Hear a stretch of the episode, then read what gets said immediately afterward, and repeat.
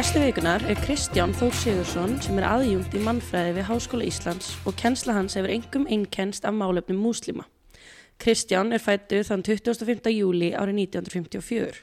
Hann lög bíagráði í mannfræði frá Háskóla Íslands árið 1998 og mastisgráði í mannfræði frá Háskólum í Kaupmannöfn árið 2004. Doktorsreitgerans sem fjallar um múslim á Íslandi er nú á loka stegum en Kristján Þór er einna fremstu fræðimennum Íslands um málefni múslima.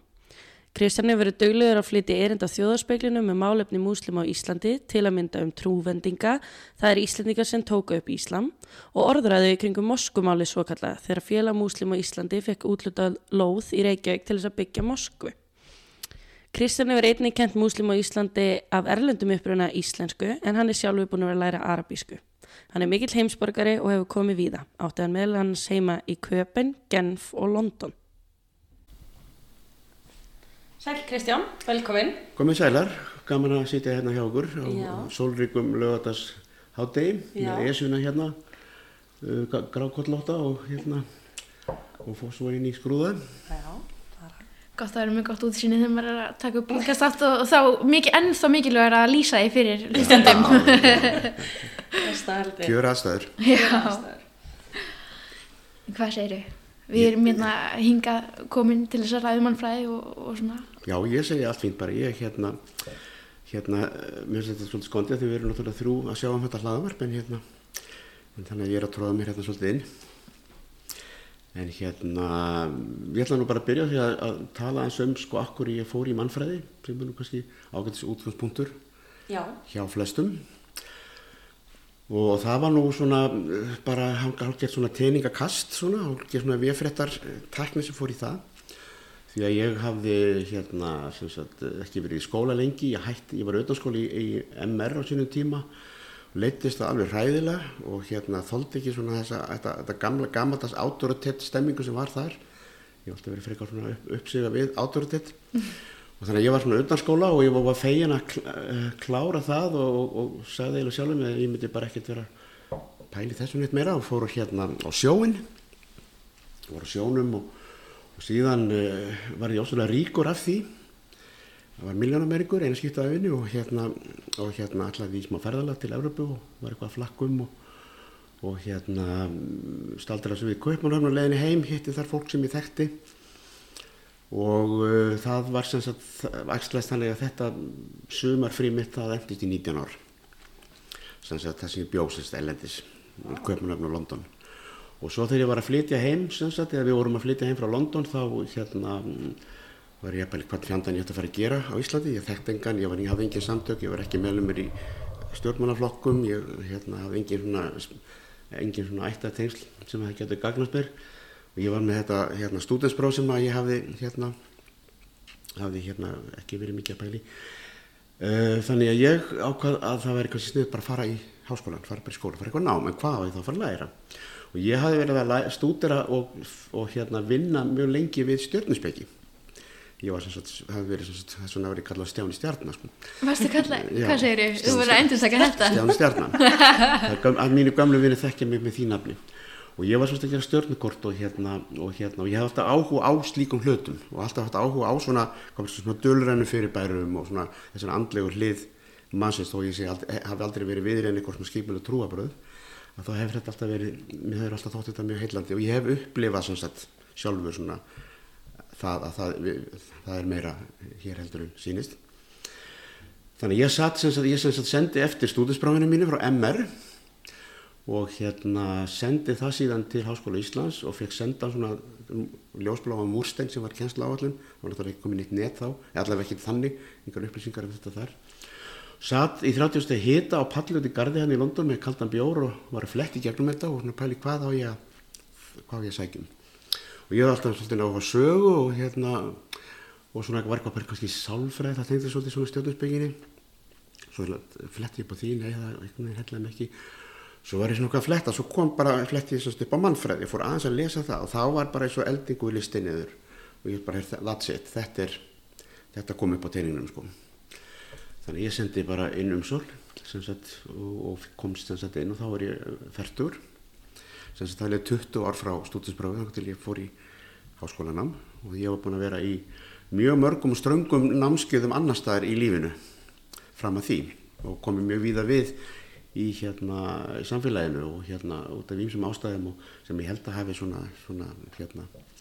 gagnast mér svolítið svona í samtöðu mannfræðina. Ég hef fengið ágætið svona einsinn inn í eiginlega öll lög samfélagsins og allar, allar svona kema,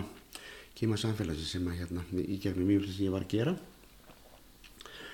En hérna þannig að ég sem sagt, já, svo fluttum við sem sagt til Íslands og ég byrjaði hérna í þessu bjánámi og, og ég held að þannig hafa mjög fyndið því að ég var náttúrulega langa elstur og hérna en ég held að aldur sinu líka bara svona hvernig manni líður sko, hvað manni finnst og hérna mér er alltaf gott að vera sagt, innan um yngra fólk og sérstaklega eins og bara í samfélagi kennsluna. Þetta heldur manni svona tánum svolítið þetta heldur manni ungum líka og að vera innan um ungt fólk sem er svona ferst í hugsun og er með eitthvað nýtt. Þetta er alltaf þessa stöðnu skarfa sem maður þekkir sem er sem er kynsluð en þannig að ég sem sagt tók þetta bíanám og hérna og hérna og hérna þegar ég er nú bara meðalskussi þá þurfti ég þetta, þetta, hérna, ég þurfti að hafa mikið fyrir þessu ég tók bara námsláni, ég get ekki, ekki unni með þessu, ég þurfti bara að leggja mig fram til þess að hérna ná þessu. Því ég er ekki svona, ég er ekki svona undrabann allavega ekki þessu sviði. Og, sí, og síðan sem það tekið þarna líka þessu B.A.prófið þarna. 98 þá skrifaði ég B.R.Edgjur um útvarasiði hjá hérna Haraldi Ólafsinni sem að ég myndi að líta á sem svona svolítið svona minn mentor hann í mannfæðinu, hann er náttúrulega löngu hættur hann er komin yfir nýrætt í dag en hann var svona mér fannst hann alveg frábær kennari. Hann var sko ekki bara í kennstun heldur bara hvernig hann var svona sem manneskja. Hann, svona, hann, hann verið mitt, var svona eiginlega mitt uppáhald. Hann Haraldur. En ég skrifaði þessum björgir um útvarsið því ég hafa alltaf haft áhuga á svona dullrænum uh, fyrirbærum og, og áhuga á dauðanum og hvað er, hvað er dauðin og, og ekki bara þessi, þessi ósvaranlega spurning hvað gerist til maður deyr og, og hérna heldur fyrst og fremst sko eftir því sem við vitum og við upplifum þá náttúrulega hefur dauðin fyrst og fremst að gera með þá sem er eftir. Hvernig þeir afgreða þetta, hvernig þeir hérna, búa til alls konar hugmyndir og, og reytjóri kringum dauðan til þess að, að segja, hjálpa sjálfum sér í raun og veru. En líka til þess að koma hennum látnu áleiðis því það er yfirleitt mjög algjörn trú við um heim að hérna, fólk trúir því að og finnst að það þurfa að hjálpa sem sagt sálinni að komast út úr þessum sagt, fyrstalega út úr líkamannu, út úr húsinu sínu, út úr þorpinu, út úr byggðinu og, og eitthvað lengra sko. það er stundum gert með alls konar svona rítjóli og þannig ég tók mig til að las helling um sagt, svona útfæra sviði, siði hinga á þangaðum heiminn og, og konsta því þeir eru mjög margbreytilegir og ólíkir og, uh, og hérna einbyttum við svolítið að svona hugmyndum í sambandi við að dauðin er náttúrulega fyrst og fyrst staðfyrstning á lífinu. Að fólk svona reytjóli kringum dauðan útværir og, og sumstaðar eru útværir sem sagt kannski margra daga hátir þar sem er bara parti og það er, er, er megin ásla á alls konar svona frjósemistákn. Þar sem er verið að leggja áslu á það að dauðin er ekki einhver endir heldur er þetta að byrja á einhverju nýju og það er verið að setja, setja svona líf og frjósemi og til dæmis bara kynli hugmyndir sem þetta kynli verður oft settar á dagskrá í sambandi við dauðan af því að, að, að það þarf að staðfesta það að þetta heldur áfram. Og hérna þetta fannst mér bara mjög áhuga þannig ég skrifaði þess að björðger um þetta og hérna og sem að hérna Haraldi fannst hann lasa hann sagði þetta er svolítið svona grist og þetta er svolítið svona morbid. Og hérna því að þetta er mikið fjallað um sko svona tví, svona tví, svona tvöfaldargreftrannir það er mjög algengt til dæmis á, á Madagaskar og í Indonísu í því menningarsveiði að hérna eftir eitthvað tíma þá eru sko lík þau eru grafin upp sko þegar það er eiginlega vist að sko holdið er mér að rótnaða beinunum og beinin er hreinsuð og það er haldin eh, eiginlega stærri útför þá og þá er beinunum komið fyrir ykkur svona grafísi, svona ættar grafísi og þetta er, er ekkit orðgjönd og, svo, og þannig að þá er alls konar svona hugmyndir sem að sem að hérna ég var að skrifa um þessi rítgerð og hérna og síðan hérna þegar ég var búin að þessu ég bjóð mikið í útlandum bara á þessum Já. árum sko, bjóð hérna í Íslandi stundum og stundum úti flakkaði svona milli og uh, svo leiði smá tími þegar ég ákveði til ákveð að fara í, í mestarinn á sko og, við, og ákveði að sækja um í köpen þá bjóð ég í hérna Genf ja. og hérna sóttum í köpanahöfn og komst þar inn sem sagt, mannfræðdeldina þar og uh, og uh, ákvað að mér langaði að fara til hérna, Afríku og hérna sótti um styrk bara hjá skólanum, maður fekk bara skólinn borgaði all ferðina og allt, allan kostnað við rannsóknina. Og hérna fóð sem sagt til Ghana, ákvað að fara til Ghana því það er ennska náttúrulega, ennska og, og það var ekki borgarastyrjöld Já. þannig að var fórþangað og það var svolítið og þar hérna fór ég all, og að stúdera svona sem tengtist trúabröðum, svona hefbundum trúabröðum og, og hérna svona vefréttum því að þessi stjörninsbyggi til dæmis er bara svona einhvern tegund af vefrétta vefrétta yðkun þannig ég hafði svona áhuga því og það, vefrétt, svona divination, svona vefréttir er náttúrulega eitthvað sem er stundað um allan heim og hefur verið gert bara frá öðra velda og, og, og mjög útbreytt í Afríku. Og hérna Þannig ég fór að lesa mig til um, um hérna Ghana og, og, datt mér á Jack Goody mannfræðing, enskan mannfræðing sem hafi verið á miðri síðustöld hérna í norð-vesturluta Ghana og hérna las það sem hann hefði skrifað margt gott og ákvað að fara þanga, bara þanga en ég vissi ekki hérna ákvæmlega hvert. Og hérna þannig að ég sem sagt uh, sækja um þetta og fer svo hérna flýg, flýg frá Genf og niður til sem sagt Accra. Og er þar í Það byrjaði því að ég fikk vísa sko hjá, hérna í fastanum Ghana í Genf, fór trillaði þanga, þetta var rétti á í bjó og fór þar að talaði við einhvern, einhvern sendiföldur og hann var mjög kampa gátur og ánæði með það að ég var að fara til Ghana og svo spurði hvað, hvað er þetta að fara að gera? Hvert þetta að fara? Og ég benti svona upp í norð, norðvestur hodnið og það sagði, ha, hvað ætlar að gera þarna, það er ekki þarna. Og hérna hlópar að mér, en svo fór ég sagt, til Akkara og var þar í, í rúma viku sem er Ísaborg og hérna trillaði í danska sendiröðu þegar ég var í skóla í Köpunöfn og talaði þar við ykkur konu sem var sendiföldrúi sem er, var sem sagt mannfræðingurinn og sagði henni það að ég væri að fara hérna upp í, upp í norðvestur hluta Ghana, ég vissi að ég sagði ég veit ekki alveg hver áfangastæðurinn er. Þetta er svona svolítið óvissi ferð, ég segi ég ætla bara að fara upp í rút og fara hérna eftir og sjá hvað ég lendi. Og hún sagði þetta væri nú eiginlega bannað. Þetta er, þegar fólk væri svona námi þá þýrti eiginlega að vera á reynu frá skólanum og leiðbunum á svona hvert fólk væri að fara. Ég sagði já það er bara þetta er bara svona og hérna. En þú veist þetta þá að ég er hérna einhver staðar eða einhvern fyrir og já. Svo, svo sem þið tók ég hérna var rútu hérna uppöttir, norður eftir sem var líka svolítið endur að ferð. Og hérna kom til bæjar sem heitir Tamale sem er svona héras sem er svona héras miðstöð fyrir norðu Ghana. Og þar var ég í viku líka og þar hitti ég sagt mann sem var tung, svona lingvisti málvinsittamæður og það var að vinna hérna einhverju stofnum sem voru að þeir voru að skrá sem sagt öll þessi svona sem sagt þessi staðbundu tungum hérna út um allt sem færaði sem sagt í letur. Það var yfir sko fólk sem var án sko reitmáls á sínu eigin eigi máli sko. Og hérna ég talaði við hann og hann sagðist þekkja þarna hann sagði þarna veri fólk sem hétti Bírifor þarna við bökkum hérna sikkurum við bakka af Svörtu Volta þarna Ghana, Fílabæströndinni og og Burkina Faso, hann svo skall bara fara þangað og hann skrifaði tvö breyf fyrir mig. Anna var til uh, kennara í bæ sem var við þjóðvegin og hitt var til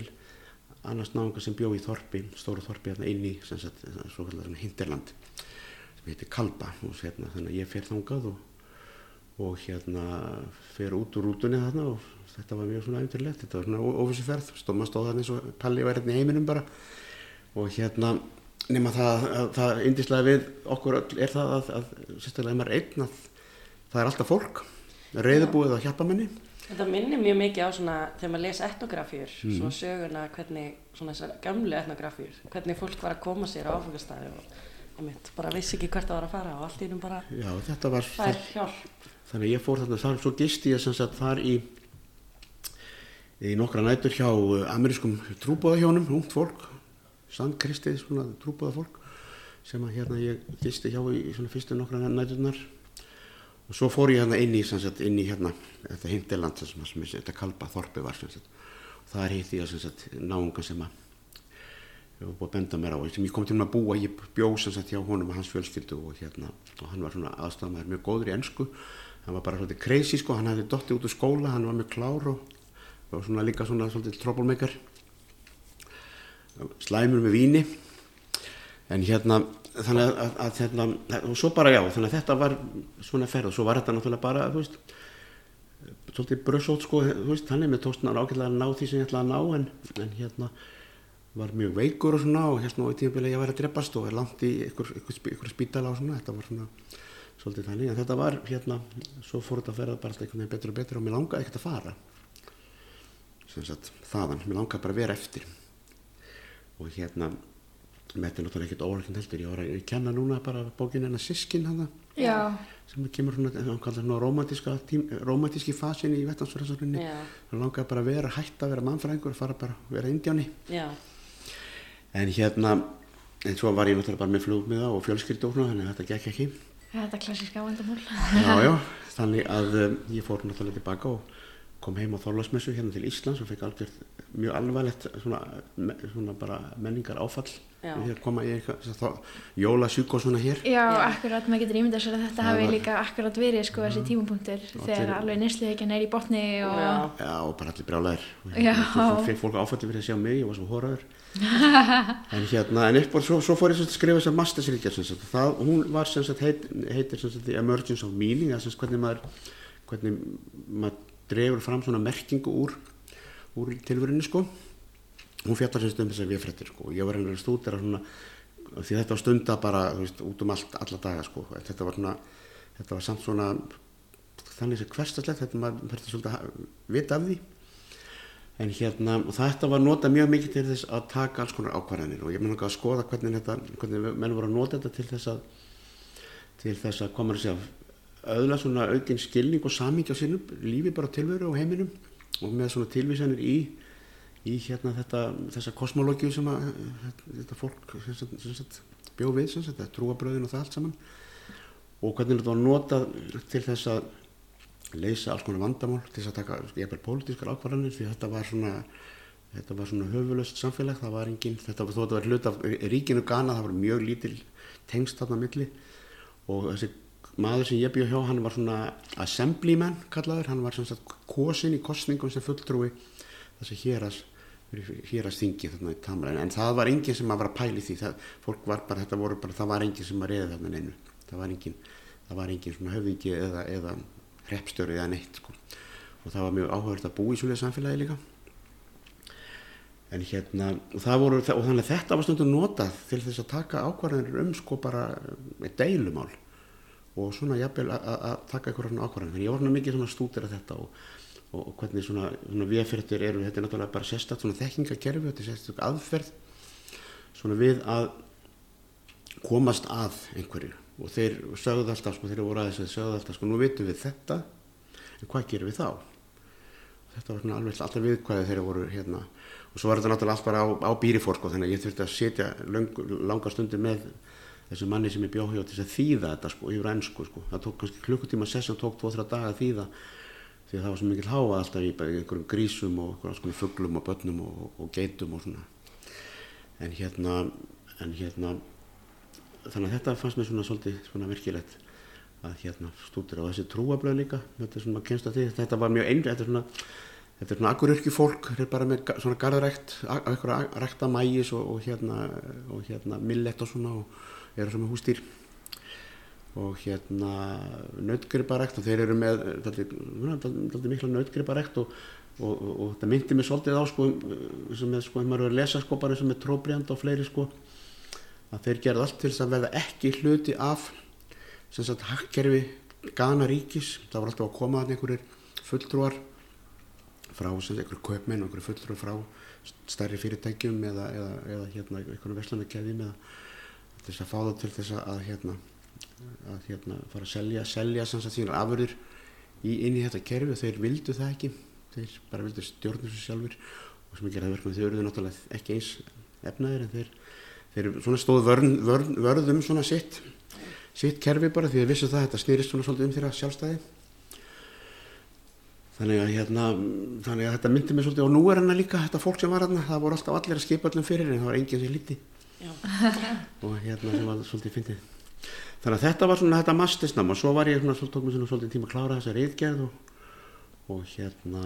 hann var nú leiðbyrnandi minn lengst af hérna, Michael Jackson sem var þá gestaprófessor í Kaupanan en hann kom voða lítið að þessu sko. Hann var hérna, ég var í svona smá samskiptum Var hann. leipinandi en? Já, það átti að vera það, hann gerði, hann kom voða lítið nálægt þessu, ég var að senda honum eitthvað svona uppkast frá Genf og sagði, já, já, þetta er fínt, haldur bara áfram og hérna, svo þegar ég hitt hann okkur sinni, það var, mér fannst ég verið að tala um einhvern alien, eitthvað svona gemveru bara Já, er mjög, það, fjár, mjög svona fjár, fjarrætn eitthvað Já. maður svona, eh, skinnir það líka svona á skrifinum hans að hann er eh, mjög svona, Já, Já. og, mér, og hann, mér fannst hann einhvern veginn ekkert vera að koma mikið nála þessu. En svo bara kláraði ég þetta og hérna, og hérna sem sagt, og sem sagt, þá kom aftur þessi perióda sem ég var, fór, ég var bara að vinna og bara hvað á ég, á ég að fara eitthvað doktor, nenni ég því. Þannig ég fór að taða samband við Harald Ólafsson, minn gamla mentor, og sagði hann um að ég, hvað ég var að pæla og mér langaði að ræða þetta hans við hann, fá svona smá ráðgjöf. Og hérna við hittumst í Norrannásinu og hérna ég fór eitthvað að ræða þetta við hann og, töluðum lengi saman. En það fyrsta sem hann sagði, leit, horfði hann svona leit svona alvarlega mig, hörðu Kristján nennir þessu? Og hérna sem, þetta er rosaleg vinna og hérna já, já, ég sagðist nennar því ég veit ekki, vissi ekki hvað ég ætti að gera annað. Þannig sem, þannig að ég fór sem sagt út í þetta. Og þá sem sagt uh, þá sem sagt held í raun og verið þessi þráður áfram sem sagt með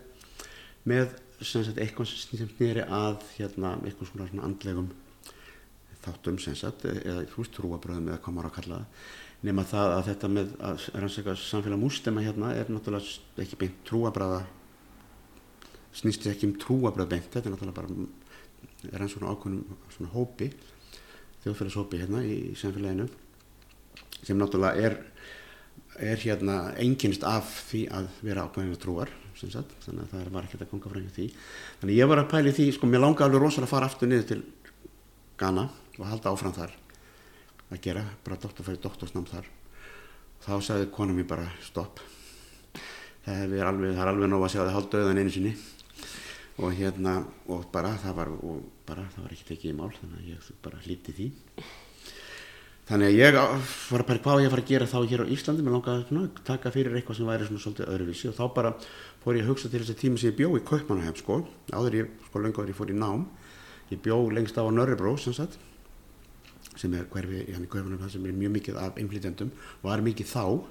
þegar ég það sko, langt síðan. Og þar var mikið af hérna fólki frá sem sagt uh, Pakistan, Tyrklandi, Marokko og, og hérna sem sagt mikið af múslimum sem sagt. Og hérna og bara þetta var svona verkamanna hverfi og hérna og ég, þetta voru nágrannu mínur, ég var að vinna með sem ég var á tímabilið þarna, ég var í rockljónsveit sem hétt Kamarorkistar sem var svona íslenskt útilögumannaband sem við gáum út þær blöttur reyndur og við vorum, nokkuð, við vorum svona húsband íslendinga í Kaupanhafn á þeim tíma, svona dansiballaband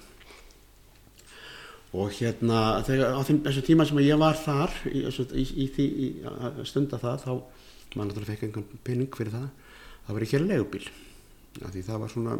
frjálslegt maður gæti svona stjórna svolítið sjálf hvernig maður og þar kynntist ég fullt af sagt, átti svona vinnufélaga sem, sem að voru héttu Mustafa og Ali og, og hérna Tarik og svona og hérna sem byggu hæði kringum og bara fólk sem ég kynntist, kynntist þeim að kynntist sko fjölskyldum þeirra og, og svona og leita á þetta svona sem bara mína bæði vinnufélaga og svona kunningja. Og þeir hétu sem sagt, uh, þeir hétu sem sagt sem er náttúrulega áhugavert við þetta allt saman, þeir hétu þá, hétu, þeir höfðu nöfn sko, þeir höfðu eitthvað svona identity, veist, sem personur, þeir höfðu nafn, þeir voru ekki vinna við eitthvað, þeir áttu konu sem hétt þetta og þeir áttu þrjú eða fjögur börn og þeir bygguð þarna og þeir voru sem sagt svona, þeir, þeirra identity var eins og okkar, þeir voru bara eitthvað svona personur sem höfðu, höfðu alls konar ólíkar, ólíkar svona sjálfuleika sem að hérna tengdi því bara hvernig lífið þeir lifðu. Þegar þú segir þetta, ertu þá að tala um sér sætt að, að, sagt, að þeir höfðu nöfn? Ertu þá að tala um til samanbörðin eins og núna að þegar við horfum á múslíma þá erum við að horfa á svona, það er svona almennt að við horfum á þetta sem svona einsleitan hóp? Já, eitthvað einsleitan svona, einsleita alhæfingun. Já, já, já. Já, og það var svo það sem að gerist þarna, sem sagt, og þegar maður var að tala bara við sko Danina sjálfa, þú veist, um, um þú veist, sem að byggja þarna líka, þá var alltaf, þú veist, já, hann þarna, Tarik þarna sem býr þarna, þú veist, og er, að- er að, með sjoppuna þarna, það var bara vennlegt fólk, skiljum Já, ekki bara múslíminn Nei, og, og- og það var og- engin að, það var engin að tala um hvað, hverja trúar þeir væru. Nei. Sko, trúin skipt einhver máli frekar en hjá dönunum, skiljum Og hérna, síðan kem, eru hérna rétt áður ég flytt, sko, 92, það flytt ég til London frá Kaupanar, þá er þetta að byrja sagt, þessi, þessi hérna, innflytjanda andúðar bylgja og islamofóbía og bara rasismi sem að fór að taka völdin bara í danskri svona ofnbæru umræðu og þar var fyrst og fremst ung kona sem heit, heiti Pía Kerskort sem að hérna var sem sagt þá var á, hræðri uppleið þarna í fremskriðspartiði þá hún var verið formar en þá síðan var það svo breytst þetta í sagt, dansk fólkaparti sem er bara nazistaflokkur og hérna hún er ósalega klár hún-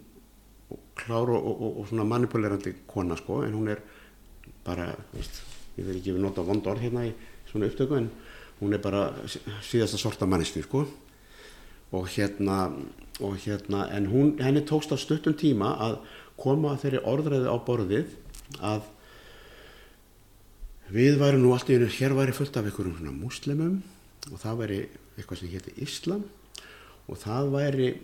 og, og danskri menningu væri ógnað af þessu fyrir bara Islam sem að enginn hafði bælt í hvað væri. Og hérna svo byrjar hún bara að heldur hún þessu áfram bara og byrjar að hérna höfða til og ekki bara múslimi, bara innflytjanda, útlendinga og bara er með svona rasískan bóðskap sko og er að höfða til sko bara verkalist, verkamannastjættarinnar hennar sko læri settu sko. Þetta fólk er að taka vinnuna af ykkur og er að taka af ykkur húsnæðin og þau fá ykkur húsnæðstyrk og bla bla bla og það er verið að hérna taka þau fram yfir ykkur sem er náttúrulega allt saman tóm lí en þetta var orðræð sem hún notaði, hún virkaði. Og þetta gekk svo vel að ég, ég bjó í Danmarka 2017 og þá var, uh, það voru auglýsingar fyrir hérna komandi kostningar, það sem stóð smitt tökleð og melda inn í Danmark að takta þér trefilinn Já, og já, já. skráði þinn í landið og, og ég- mikið af dönum voru ofta að segja við mig að ég væri svona rétti já, og það, það stingur svo rosalega þegar maður tekur eftir að bara þetta er orðið svo eðlileg hugsun hjá svo mörgum dönum að vera með svona bara mikla anduð já en það er samt, að þú, gott þú skulle minnast á þetta því að ég bjóð hann í 16 ár í Kaupmannahöfn, ég var með fjölskyldu og var að vinna með fjölskyldu og, já, sem sagt, og, og, og sem sagt son sem er fullur með dag býr þar en þá en hérna en hérna ég fann það hverju meina sér degi að ég var útlendingur þó ég var íslendingur, kannski að því ég var íslendingur það var algjör svona, gammal svona nýlendu svona yfir því sko, ég fann það, ég fekk að finna það hverjum degi að ég væri útlendingur. Já, og hérna þannig að þessi, þessi, þessi, þessi þetta viðþór er mjög stert í dönum sko. Og Já. hérna en þetta er að gerast þannig þessum tíma og hún bara, hún, þetta fleitir henni bara upp, upp, upp svona einhverja pólitíska bylgju. Og hérna og það, svo gerist það svona ekkert mjög löngu, ég man ekki alveg hvenær það var það var, sko sósaldemokrater hefði alltaf verið bara, þú veist, stærsti flokkurinn í Danmörk og þeir voru svona hlindir innflytjundum og svona þú veist og allt það og, þeir hafði líka stjórna var búin að stjórna kaupmunahefni í meirinn 100 ár þannig að þetta er núna í, fyrir, fyrir tveim dögum síðan. Það það voru kostningar og hérna og hérna já þannig að þess það breytti svona stemmingin og síðan var þarna fósættisræðaras sem var sósættdemokrati og hann, það gekk allt vel í Danmörku efnaður var í góðu lagi, það var bara svona það var bara allt svona mjög fínt þannig séð. Og hann, hann skrifa át kostningar ætlaði bara svona styrkja stöðu sína. Nema þá, hann fattaði það ekki að þá var þessi, þessi viðþór og þessi, þessi bylgja, hún var orðin svolítið sterk. Þannig að hann skýttapar og það kemst á mjög stæk svona hægri stjórn í Danmörku sem sagt, þar sem að hérna fórsættisera þeirra verður hérna Annis Vore Rasmussen sem var síðan hérna yfir maður NATO og svona öfga hægri flokki sem heitir Venstri og hérna það er sögulega hættir Venstri vegna þess að þegar þingi, þingraði komst á í Danmörku þá var sko voru fulltrúar aðalsins. Aristokratana voru sko hægra megin í salnum og, og, og, og, og stóru landeigundinir voru vinstra megin í salnum þess vegna hérna venstri en þetta er öfga hægri flokkur. Og hérna og hann sem sagt kemst í valda og þeir eru við völd sá flokkur og, og, og íhjaldflokkurinn með Píu Kerskort sem svona tryggingu, hún var, var aldrei í ríkistjórn og hefur aldrei setið í ríkistjórn og þeir, og þeir hafa aldrei vilja verið í ríkistjórn af því að þá þurfa þeir að fara að setja ábyrð á þessum, þessum hugmyndum sínum. Þannig þau hafa bara setið staðið hlýga linni og, og, og, og bara stjórnaðir hann að vera í pólitíkinni. Þannig að það, var, það komst í gang mjög sterk svona, það var bara ákveðin svona menningabilding sko, í Danmörku að það var, kom upp hérna svona orðræða sem hétt sko hérna svona gildisstríðið það var svona gildis átökin sem sagt, var, þetta var sem sagt bara búið til. Þetta getur stríða milli okkar hérna dönsku, kristnu, evrósku gilda og svo þessara hérna múslimsku Östurlanda gilda. Og, það, og, og, og, þetta svo, tók, svo tókst henni að set, henni, hún settir hún allt danst samfélag bara í svona gíslingu. Að það var þannig að öll umræðan fór að vera á þessum nótum, þú veist, í fjölmiðlum, í, í pólitíkinu og bara út í samfélaginu, það fóru bara allir að tala svona. Og þetta fyrir tókst einhvern veginn að þið vitið það náttúrulega bara voru eitthvað er bara, það, það búin til eitthvað svona ráðandi orðræða, Já. er bara komið á koppin og svo til smástund þá er það rammin sem allt er rætt inn í. Og ekki en ekki fyrir utan. Og henni tókst að búa þennan ramma til og hún stjórnaði þessar umræðu bara þangað til bara ekki fyrir löngu síðan og hérna og ég held að hún þetta hafi haft alveg gífulega neikvæð áhrif á danssamfélag. Og þetta gekk, þetta gekk út á það á tímabili sko að þessi þjóðfélagshópur í Danmarku sem sett muslimar sem eru hlutastlega ekkert neitt mjög margir sko þannig séð með við Dani sko. Og hérna að, að þeir, það, var, það var orðið sko það var orðið allt í lægi það var eins og maður sér á dönskof svona stúerend þú veist það sem að er þú veist það var bara ok að vera rasisti. Það var ok að vera að tala niðrandi um muslima nýðaðin skóin og, og, og búa til alls konar sögur um það. Það var allt og það var sko bara seriðunar af einhverju umræða þáttum í útvarp og sjónvarpi þess að þetta var bara orðræðan. Og þetta er náttúrulega með viði í Evropasun í dag. Í Fraklandi eru einhverju hundra sjónvarstöðar sem eru bara með þetta og all- allan daginn, alla daga. Og hérna og þannig að þarna var bara ákveðin svona þjóðfélagshópur sem hafði gert neitt af sér sem var þurfti að sæta bara ofsóknum í raun og veru og sem að náður til hábúndi þarna 2005 þegar þessar múamistekningar sem sagt voru, voru byrtar í Júlandspostin sem að voru svo endurbyrtar síðan og átti að vera nafni tjáningafrelsis nema það tjáningafrelsi náði ekki lengri en það að það voru einhverju teknar sem veldi líka fá að byrta einhverja skrifamindir af, nýrandi skrifamindir af Jésu það mátti ekki því það geti sært tilfinningar kristina manna. Sögðu þeir, ristöðunir þannig að hæsnin náttúrulega var náttúrulega reyði ekki við indeming þarna sko. En þetta þurfti, sem sagt, þurfti bara ákveðin hópar fólki að lifa við. Og hérna þetta hefur nú eitthvað svona tekið af í dag en þetta lifir hann ennþá. Og þessi, þessi hérna islamofóbía hefur verið mjög mjög hérna stæk þarna síðan. Þannig að, að, að sko að það var mikið út af þessu sem að ég ákvað það að að, já það eru múslimir hérna á Íslandi sem ég, maður vissin engin vissin eiginlega um. Að skoða það bara, hvernig er þetta hér á Íslandi og hérna þannig að þetta var svona svolítið svona pólitíst projekt hjá mér líka sko, mér langaði bara þetta, af því að þetta, ég hef tók þetta svolítið til mín þegar ég var þarna, þetta, mér fannst að það var að ráðast á á hérna, hvað sé, vinnufélaga mína og hérna kunningja og bara, og ég hef alltaf verið bara mjög uppsiga við svona mismunun og fordóma og rassisma og annars líkt þannig að mér fannst tilvarið að kíkja á þetta og það var eitthvað, þetta var eitthvað lítið samfélag hér sem að enginn vissi neitt um veist, það vissi sem einhver Salman var heitinn og hérna, en öðruleiti þá var þetta engin áhugi fyrir þessu sko og það, en það var samt komið alltaf mikil svona þegar ég er nýfluttur yngar heim sko ég flutti yngar 2006 held ég. Ég byrja, ég, ég sækjum þetta doktorsnum 2007 og hérna var nú bara í einhverjum kursum og svona byrjaði nægt að sér rannsóna við strax. En þá fór ég svona aðeins að kynna mér þetta sko og þá var búið að vera, sá ég það að það var komin svona islamofóbía hér í ganga á Íslandi en hún var svona innflutt eins og mikið af svona hugmyndum að það var alltaf verið að tala um sko á, hvernig, það er alveg hræðilegt ástandan í Malmö og alveg og í Kaupmannahöfn og ég ætti bara að sjá hvernig þetta er þarna og þarna og þarna. En þú veist það var ekkert að draga fram neitt hér á Íslandi því að þessi fámenni hópar muslami hér voru ekkert að gera neitt af sér voru ekkert til vandræða og voru bara ósynleir og hérna þannig að þetta flytja inn einhverja hryllingsögur sko sem að margar þeirra voru bara einhverja legasögur sko eða mjög yktar og hérna þannig að uh, ég byrjaði að hafa samband við ég sem sækjum þetta nám sem sagt og, og, og, og fæði þarna inni sem sagt með, með það eftir, eftir svona nokkrum árum eftir ég ákvaða að fa- fara í þetta og hérna og hérna og byrja sem sagt að hafa samband við sem sagt þetta þessa múslima hér. Og ég vissi það, það var hérna það var hérna staður í Ármúla sem var svona nota sem moska sem félag múslima var með og er með ennþá.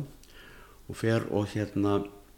þetta, ég náttúrulega vissi ekki um þetta og, og svona maður svona tiplaði svona svolítið á tánum inn í þetta hvernig á maður að fara, hvernig á ég að haga mér. Hvernig, og hérna og svo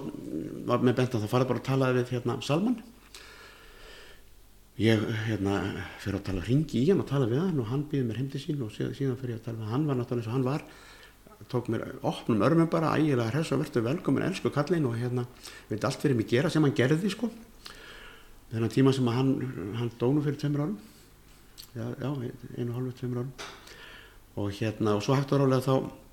þá byrjaði ég samt að fara þarna inn og, og, og skoða þetta. Og hérna og hérna það tók svona sinn tíma. Og það, en það sem að sló mig sko í byrjun sem er svona svolítið rauðu þráðurinn í þessari rítgerminni líka að, að, að þegar maður kemur inn í svona hóp sko sérstaklega að því að þetta geopolítiska ástand var eins og það var það voru ekki mörg ár frá því að var inn í Írak skilur og það voru bara þetta, þetta stríð gegn ekki eins terror og svona þetta var allt komað fullt sko. Og þessi stríðsregstur vesturveldana í, í miðsturlöndum var komin á fullt. Þannig að það, allt þetta litast af því allir umræða. Og það var farin að vera sko ég man alltaf ég sá Silfur Egils til dæru nýkominn hingað. Og þar var verið að þar var, þessi, þar var talað um þessu hluti algjörlega á þessum nótum. Svo var gefin út bók sem hétt Íslami afslætti, reyndar sem svona ansvar við þessu, sem voru, sem voru greinar eftir bæði fræðimenn, bladamenn, reytuvunda, skált og svona um fjölmenningarsamfélagi sem var svona, sem var það var að vera svona, að, svona mótvægi við þessar, fort, þessar fordómalegu hugmyndir allar, ágættis bók. En það sem að sló mig þegar ég fór að tala við hérna, þessa, þetta fólk fyrst var að þeir voru voðalega upptögnir því að segja mér það að allt sem ég heyrði í fjölmiðlum um muslima, um Íslam og fóru að tala um þessar múmistekningar og svona, veist, það sem að pyrrar okkur mest er það að við könnust ekkit við okkur í þessar ömröð, þetta er ekkit við. Það er ekkert að tala um okkur, við kærum okkur ekkert um svona, en, við, en það er verið að klína svona hugmyndum á okkur allan, alla dag og allan tíman, við förum út í búð og það er hort á okkur eins og við séum einhverju glæpamenn. Og hérna og vorum mjög svona bara, já, og höfðu, höfðu bara mjög miklar áhugir af þessu. Og þetta kom alltaf, þetta var dúkaði alltaf upp, bæði svona bara spjalli og viðtölum og svona, þetta dúkaði alltaf upp þessi þessi hérna þessi, þessi hérna orðræða og svona þessi tengsl. Og svo hérna svo voru margir sömur hérna sem að voru svona lit, voru svona mikið að pæli hvað ég væri að gera þarna. Menn voru náttúrulega svolítið parnut hvað er þessi bara tortrygnir, sem fræðmenni já, bara tortrygnir hvað er og sömur, sko Salman tók mér alveg strax og hérna hann fattaði alveg hvað ég var að fara og, og það voru hann nokkri svona kalla sem að voru líka, það voru svo voru þarna í dáldin tíma þá voru þarna sömur sem að ég vissi að voru bara fylgjast með hvað, voru bara pælið hvað ég væri að gera hérna. Á hverja vegum ég væri, hvort ég væri eitthvað að eitthvað, bara eitthvað njóstnær eða eitthvað, hvað, hvað, hvað ég var því ég var mjög mikið í Moskunum sko í Moskunni, hekk þar mikið og alltaf bara hvað, hvað er þessi maður að gera og sumir sem að, mér er þessi kynntist svolítið sem að vildi ekkit viðtalið en eitt sko, vildi, ekkit vera að tala mikið við mig en voru ekkit á, en ég fann það það voru svona, það var daldið, daldið fram, langt framöttir var svona tortrygning akkord mér sko. Svo fór ég að hérna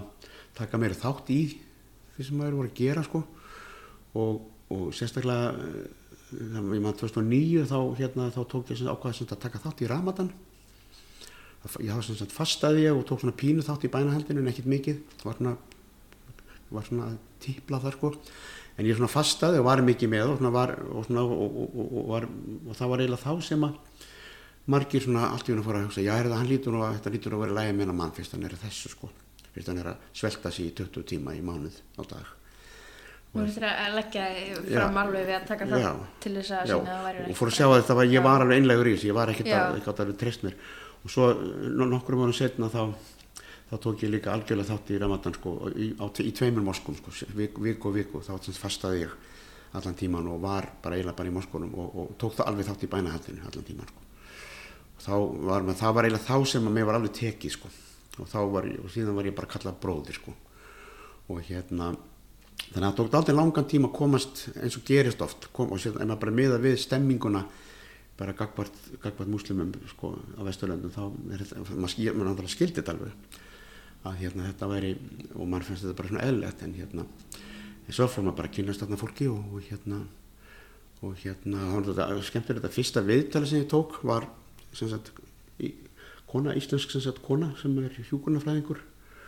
sem að hérna sem að hérna, já, sem ég tók fyrst viðtal við og hún var að vera eftir jól hún var að,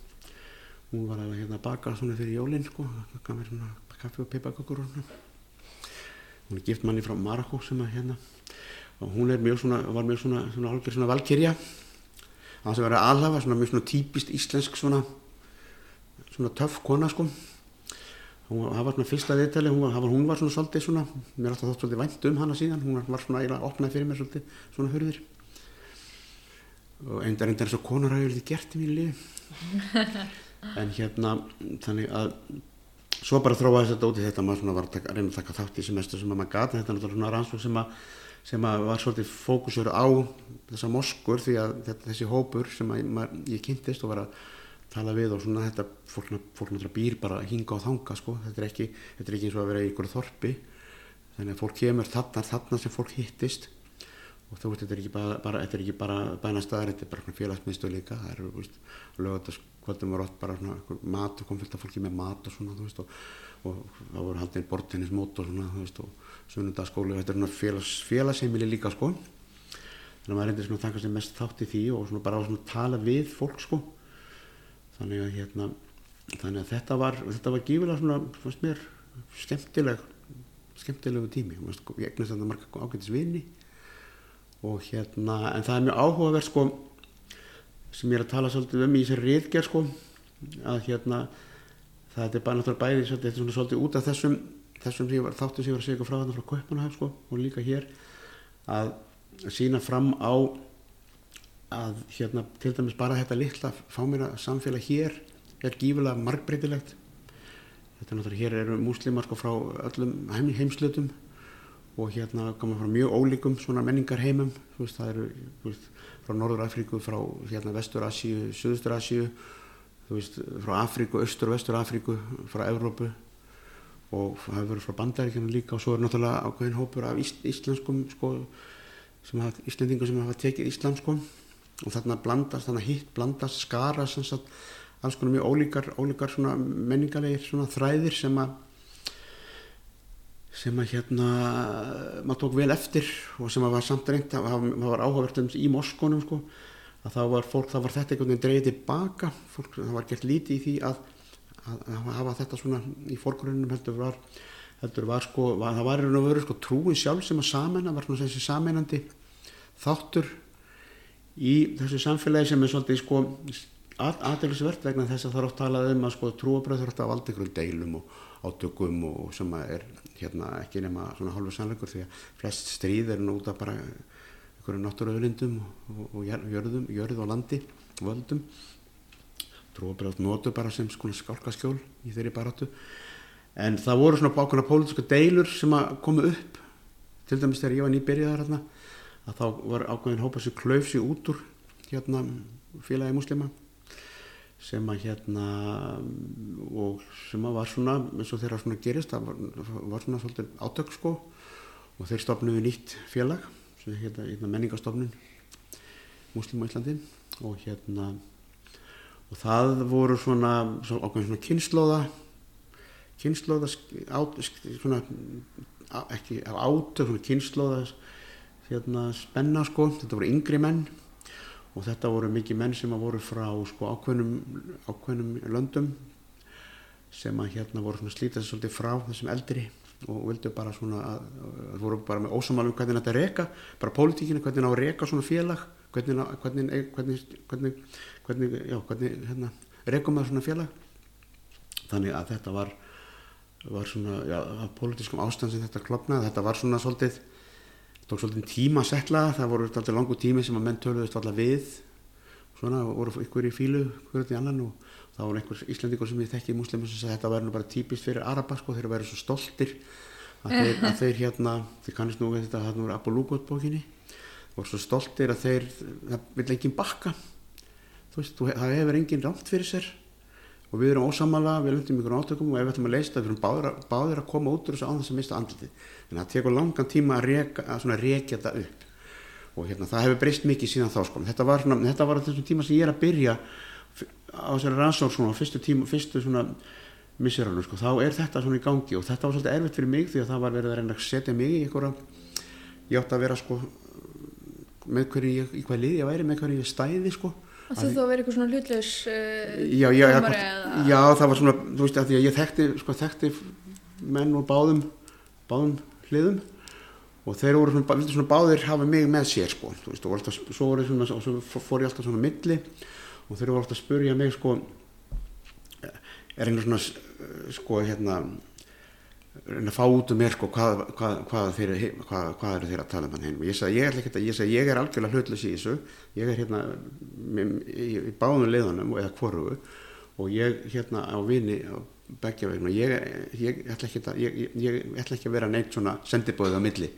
Þannig að það, og svo bara var það bara alveg viðkjent og hérna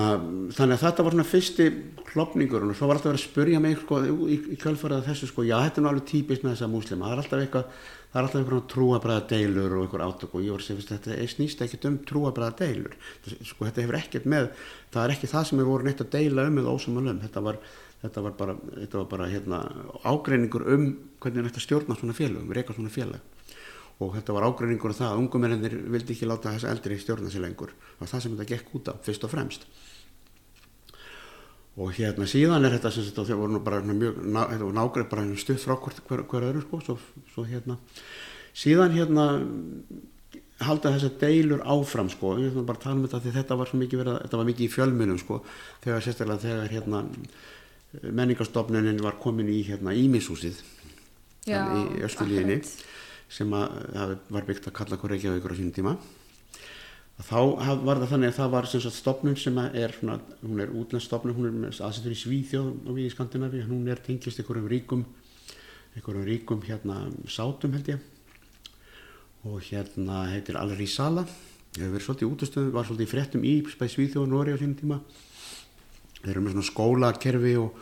og svona eiga náma pening ríkir sko, þetta er rík, rík, rík stopnum sko og þeir keftu sem sagt þetta Mímishús. Nei, fyrir ekki Ímishús og hérna og þessi menningastofnun sem sagt þar var þá einn af fórsprökkunum þar var maður sem var tengtist heim eitthvað sko. Og þeir fluttu, menningastofnun flutti sem stangað og þar var kom, þá var komið til sögunar hérna, hérna Íman frá Ekkertalandi sem er búin að vera hér í mörg ára og er orðin íslensku ríksborgari og er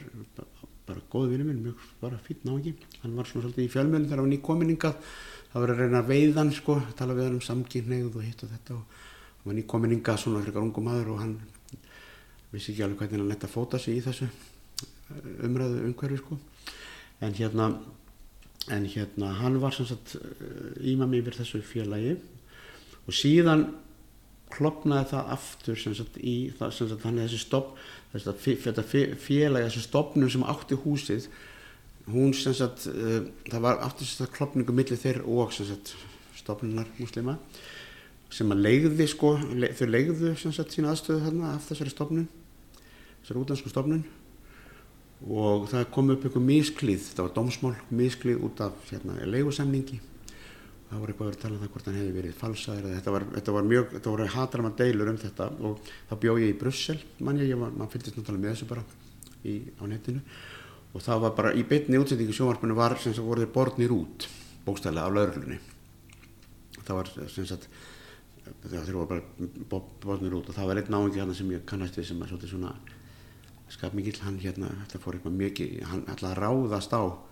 sem sagt einn, einn af úr hinnum sem svo, hann var að kenna honum um þetta allt saman. Það er allt þér að kenna og alltaf eitthvað vesinn og þér og svona. Og, og þetta var svona kom, þetta, og þetta kom sem sagt í beinni útsendingu og þetta náttúrulega var eins og, eins og bensín á þennan eldum það að það fær alltaf einhverja deilur og og þetta, þetta, þetta liði þeir geta aldrei verið sammálinn eitt og það er alltaf einhver læti og vissin og, og er gott þess að viljum við ekki hafa það hérna, eins og sé aldrei einu deilir á Íslandi sko. Ég var um þetta bara að segja, bara eins og ekkert annað, engin önnu félag á Íslandi nei, sko, getur eitt ímyndar ef það sem er í gangi, þú veist, bara einan eblingar akkurat núna ef það væri sko, Já, já, og bara það sem enginn er náttúrulega sko- Pólitíski sko, flokkar og hvað annað og bara öll stríð í heiminum sem hafa verið út á kristni trú og bara venjulega fjölskyldur Já, sko, hérna, það er náttúrulega sem enginn er náttúrulega sko, svona smerri, svona lítil trúfélög svona ný, svona lítil trúfélög og þetta hefur bara verið rannsakað í, í hérna þessum félagsfræði félagsfræði, félagsvístum trúabræða að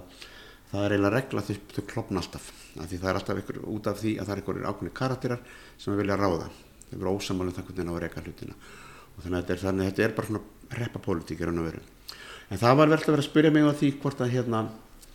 þetta, eins og þegar þetta gerist þá var ég í Brussel, þá var hringt í mig frettakona frá Rúf hringdi í mig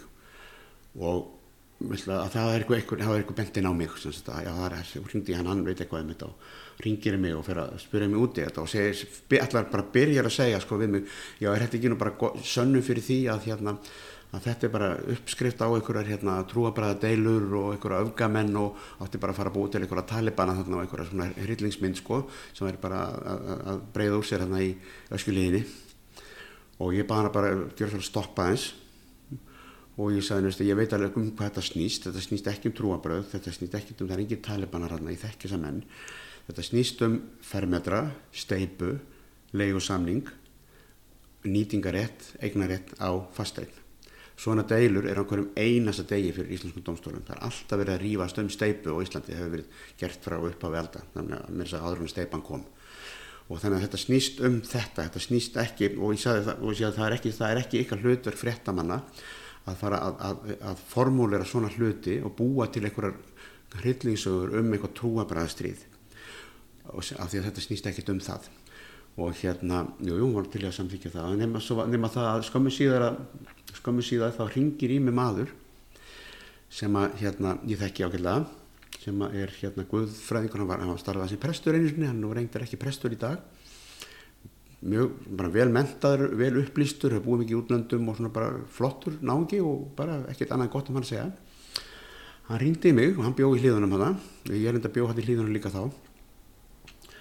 og hann var svona hálf bara skelfingu lostin og hann var sem ekki, hvernig er það Kristján, er, er verið að setja á stopni eitthvað svona talibanna skóla þarna í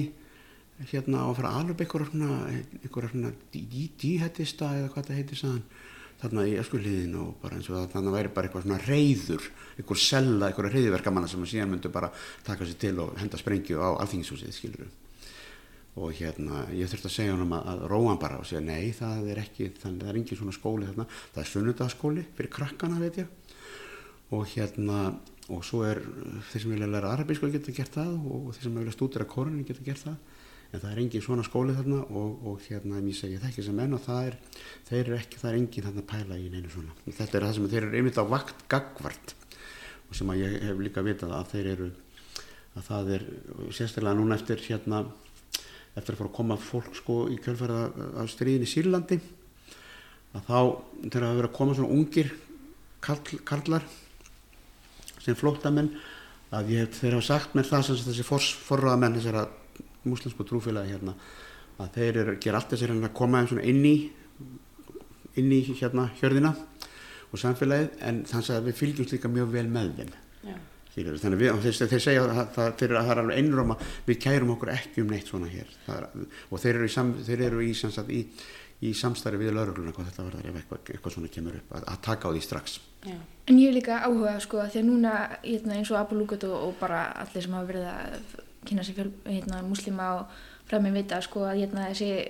sko þessi umræð og orðræð um talibana hefur ótrúlega smitandi áhrif yfir á bara hvernig við horfum á muslima í heild mm. og núna sko þessi atbyrður í sumar mm. hérna, með Afganistan og bandarækja hér að fara og talibana að taka yfir sko og fjölmjöla umræðina í kjölfari mm -hmm. sko hvort að hún sé búin að hafa ykkur sjáanlega áhrif á eins og fordóma sko hérlendis að því ég sjálf tek eftir búin að vera starfi fjölmjölum og og þegar við vorum að lesa erlenda fjölmjöla og vorum að reyna að mm. flytja fréttir hérna heima, mm. maður þurfti þvílíkt sko að, mm. að hérna að tempra fréttaflutningin og passa sko að vera ekki alveg neinum fordumum og vera að sko Það sem gerist náttúrulega var það að sko þetta er það var náttúrulega bara ítt á gamlan takka og öll gamla orðræðan frá því bara 2001 sko -hmm. hún fór aftur í gang Já veist, og það fór aftur í gang sko þegar hérna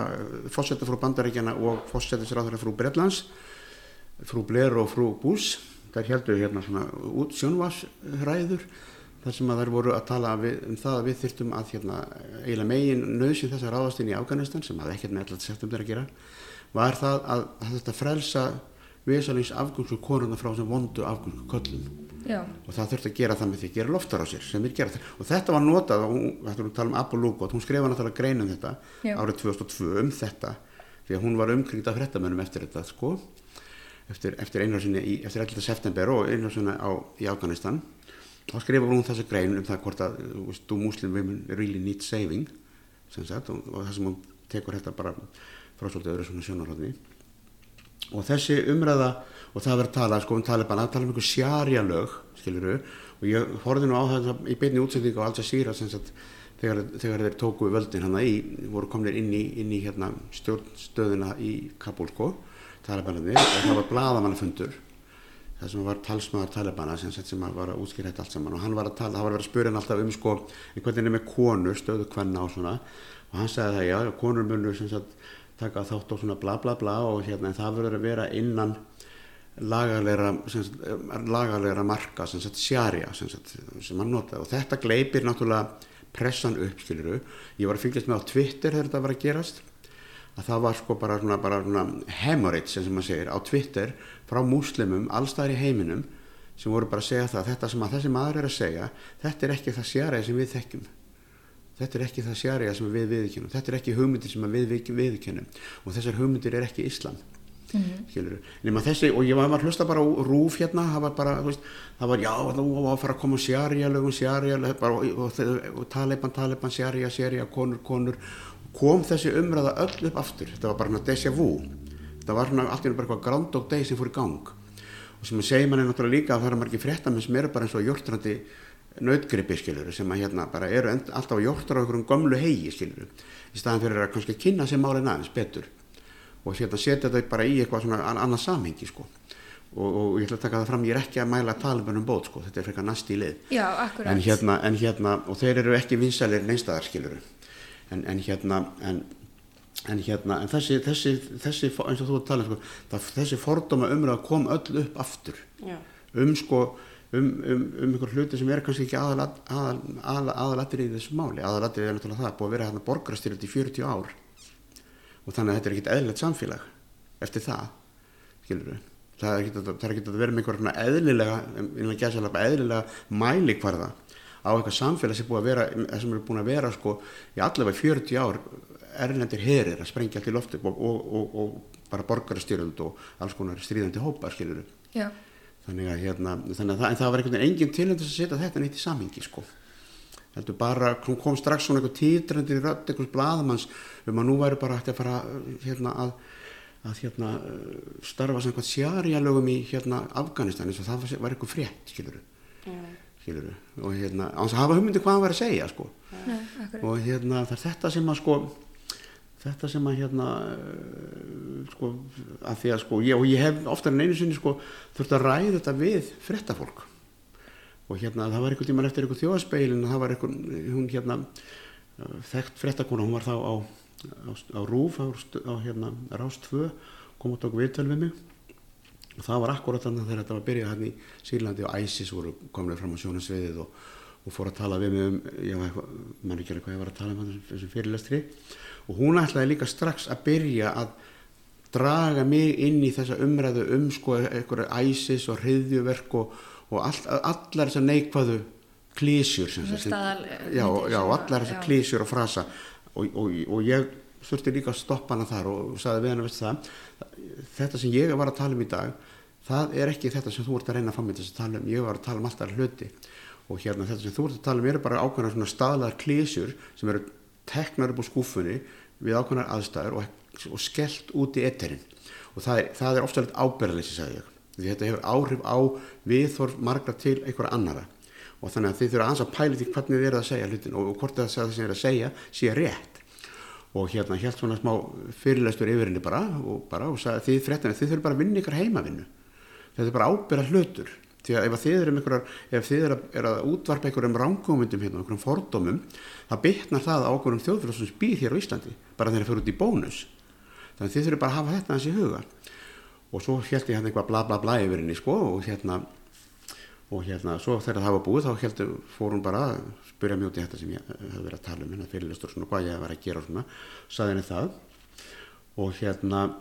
svo þegar hún var búin að slökka á þetta var tekið upp, sko þetta var ekki beint tekið upp, þegar hún var búin að slökka á upptökutækinu og sagði mér, veistu, hún sagði bara þakkaði fyrir þetta er alveg rétt sem hún varst að segja. Já. ég tek þetta alveg til mín. Og hérna svo held ég að hún myndir örglega sko klippa þetta út og viðtalinu, þetta kom í á rúf sýtti þessu útvarpinu, gera það ekki þetta byrjaði hún bara lítið þetta flakka með. Það var þetta gott hjá henni. Já, en ég ma- man bara eins og það segja sko hérna, í sumar þetta byrjaði og ég, ég fekk bara svona hnút í magan mm. þegar að, að því ég var bara nú byrjar önnur svona, kemur eitthvað svona Mm. aftur bakslag eins og var hérna eftir eh, hérna 11. september og ég Mm. hugsaði bara veist hvernig get ég sem fjölmjölamær greint frá þessu án þess að fara inn í og ala á þessari umræði sem er í gangi og það var bara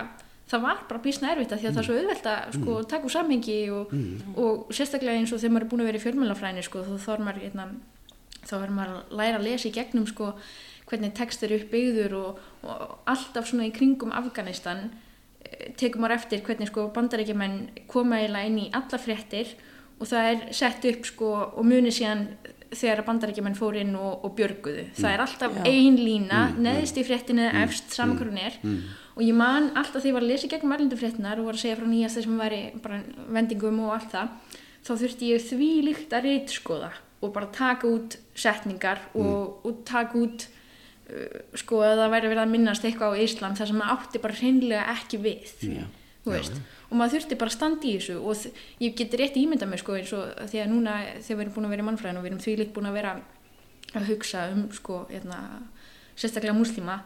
sko að þeir sem hafa ekki verið endilega verið í svona miklum pælingum sko gera sér enga grein fyrir hvað það væri í raunum ofbóðslega, ofbóðslega hérna, hlutrægu fréttaflutningur Já. uh, af þessu og, og það bara skein alveg í gegn sko þegar þetta fór í gang. Já, já, það veist að við þetta, þetta verður sko, þetta er kannski ekkert sko, þeir sem eru að, kannski að vinna við þetta, eins og segir, veist, þetta er kannski ekkert meðvitað illa meint, skilur. Nei, alls held alls ekki. Þetta er bara einhver, þetta er svona automatic pilot, sko. Já. Það er bara, það, segja, þetta er svo ít á gamla, gamla, sko, replay, eitthvað gamalt, spilum þessa kassett aftur, sko. Já. Og hérna, og þá er bara, þetta, er bara, það er bara, þú veist, eins og í kringum, þetta stríkja kreyðiverkun svo kallar, sem er náttúrulega bara skelvilegsta projekt bara sem hefur verið sett í gang lengi hefur ekki engur skilað af sér nema miljónum sko, veist, mannslífa og, og, og bara eðileggingu heilu ríkjana og samfélagana að það er bara þegar það fyrir í gang þá bara er það er fullt af sérfræðingum þú um það er fullt af sérfræðingum sem að vinna við það að búa til nýtt tungumál. Þetta er búið, þetta er bara eins og Orvel var að tala um það er bara búið til í 1984 það er búið til nýtt tungutak, nýtt tungumál það sem ákveðnir, sem ákveðnir hlutir eru rættir á því tungumáli. Þú veist, það er ákveðna myndlíkingar það er ákveðin svona orða, hvernig, hvernig hlutin eru orðaðir og hvað er talað um og hvað ekki. Og þetta, þessu, þessu var á þeim tíma slengt fram sko á, oft á dag í fréttum, sjónvarsfréttum í svona stórum alþjóðlegum sjónvarstöðum í, í, New York Times skilur, svona stórum fjölmiðlum skilur, í kjafta þáttum allstað það var bara, og þannig að fólk þetta er eins og ég var að tala með Dan, þetta skilt í Danmörku það er bara komið á koppin einhverju ákveðinu tungumölu, einhverjum ákveðinu máta að tala um hlutina og þetta er eins og, að tala um fjölmiðlafræðin eins og Tjómski var að tala um hérna í já. bókinni þarna og þessi frettamæður sem skrifaði hana með hann hérna,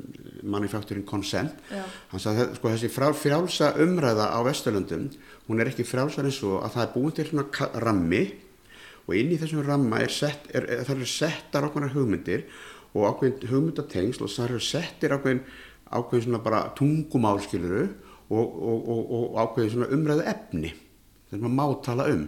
Annað er ekki þarna inni. Svo er talað um það daginn út og daginn inn eins og það sé einhver frjáls umræða því en það bara, hún er ekki frjáls en svo að því bara, maður sér þetta bara, ef maður horfir á íslenskar fréttir hérna og hlustar bara á, á hverjum degi sem er fara að vera erfiðar og erfiðar, ég verði að viðkynna það að hérna, það sem er ekki talað um og hvernig er, og, og svona, hvernig er talað um sem er hluti. Og þetta er eitthvað svona bara þetta er náttúrulega fyrst og fyrst skortur á hugmyndaflugi sko, sköpunar krafti að- og, svona, og bara svona vitund um það hvað í raun og veru er að gerast þannig að þetta dettur inn í eitthvað svona, eitthvað, svona- eitthvað svona automatic pilot svo bara, þetta verður svona sjálfvirkni þess vegna tala er nú nota þess að líkingu með jórtra Já. sem að þið veitir hvað er að, að hérna að, að hérna það er að- að tyggja sömu fæðun aftur og aftur já. og endur, endur tyggja hann alveg endur og verður að eitthvað, þið veitir hvað kemur út úr eftirlundinum á beljónum og hérna verður bara bullshit sko. og hérna og hérna það er þetta sem að sko og, og, og, og þetta er náttúrulega bara ákveðin tegund af bara svona stríðs áróðri sem var búin til á svona tíma. Og svo kemur þetta með talibanana eins og þetta tala um þú veist núna í sömar í Afganistan. Þetta var allt öll ég, bara, ég, ég hugsaði með þegar að horfa á þetta Q, nú kemur þetta allt aftur. Já. nú munir þetta allt koma aftur sem, bara- að, sem að koma. Að vísa ekki að eins miklu afli eins og þá. En það öll þessi fréttamenn fór að tala nákvæmlega svo tölu fyrir 20 árum. Sama, fór að endunja sömu klísunar og allir fór að kaffistöðun að tala með sömu klísunar já, þessi múslima, svona eru þeir talibanarnir Já. og hérna þannig að, þannig að sko, og það sem að eins og ég, svo ég endur tæki það nú aðeins eins og þegar ég byrjaði þarna á þessari rannsókna það var þetta sem að lá mest á fólki. Þeir voru alltaf, fór alltaf að tala um þetta við mig.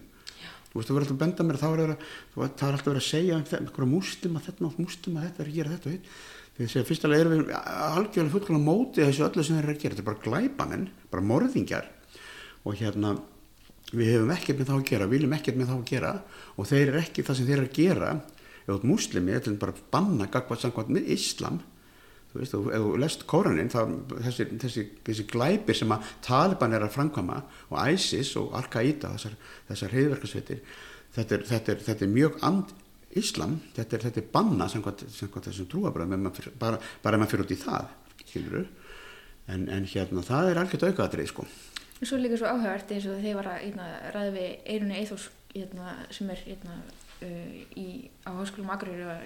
kenna við lauruglufræði þar mm. og tala um sko, eins og hattur sorgar á Íslandi við erum með veist, eins og gegn samkynhauðum og alls konar svoleiðis þetta er, svona, þetta er ekki liðið veist, svona almennt, bara Nei. í samfélaginu bara Nei. er þetta uh, ekki liðið og ekki á þingi svona nokkurn veginn uh, koma hreint. En þegar kemur á múslimum sko þá er þetta einhvern veginn bara svona fræðileg umræða um Já. sko Mm. þá er þetta ekki sko hattusorða eða fordóma eða svona jú reyndar en- málfrelsi. Já, þá Já. er þetta allt í hennu komin málfrels og þá er allt í hennu sko pæli í, sko út frá feminískum pælingum og eitthvað svoleiðis. Í staðin fyrir að Já, við horfum bara á þetta eins og við myndum horfa á fordóma gagvart sko Öðrum já. Og, ta og talandi um þetta, það er nú ekki langt síðan að Evrópa náttúrulega myrti 6 miljónir geðinga sko og hérna þessi umræði sem að muslimar hafa þurft að hérna sitja undir síðustu áratíði sko þetta er sama, nákvæmlega sama orðan að geðinga þurft að sitja undir á sínum tíma í langan tíma í Evrópu. Og þeir voru náttúrulega ofsó- ofsóttir af kristnum Evrópumönnum í sko, ald, sko mörg hundruð ár.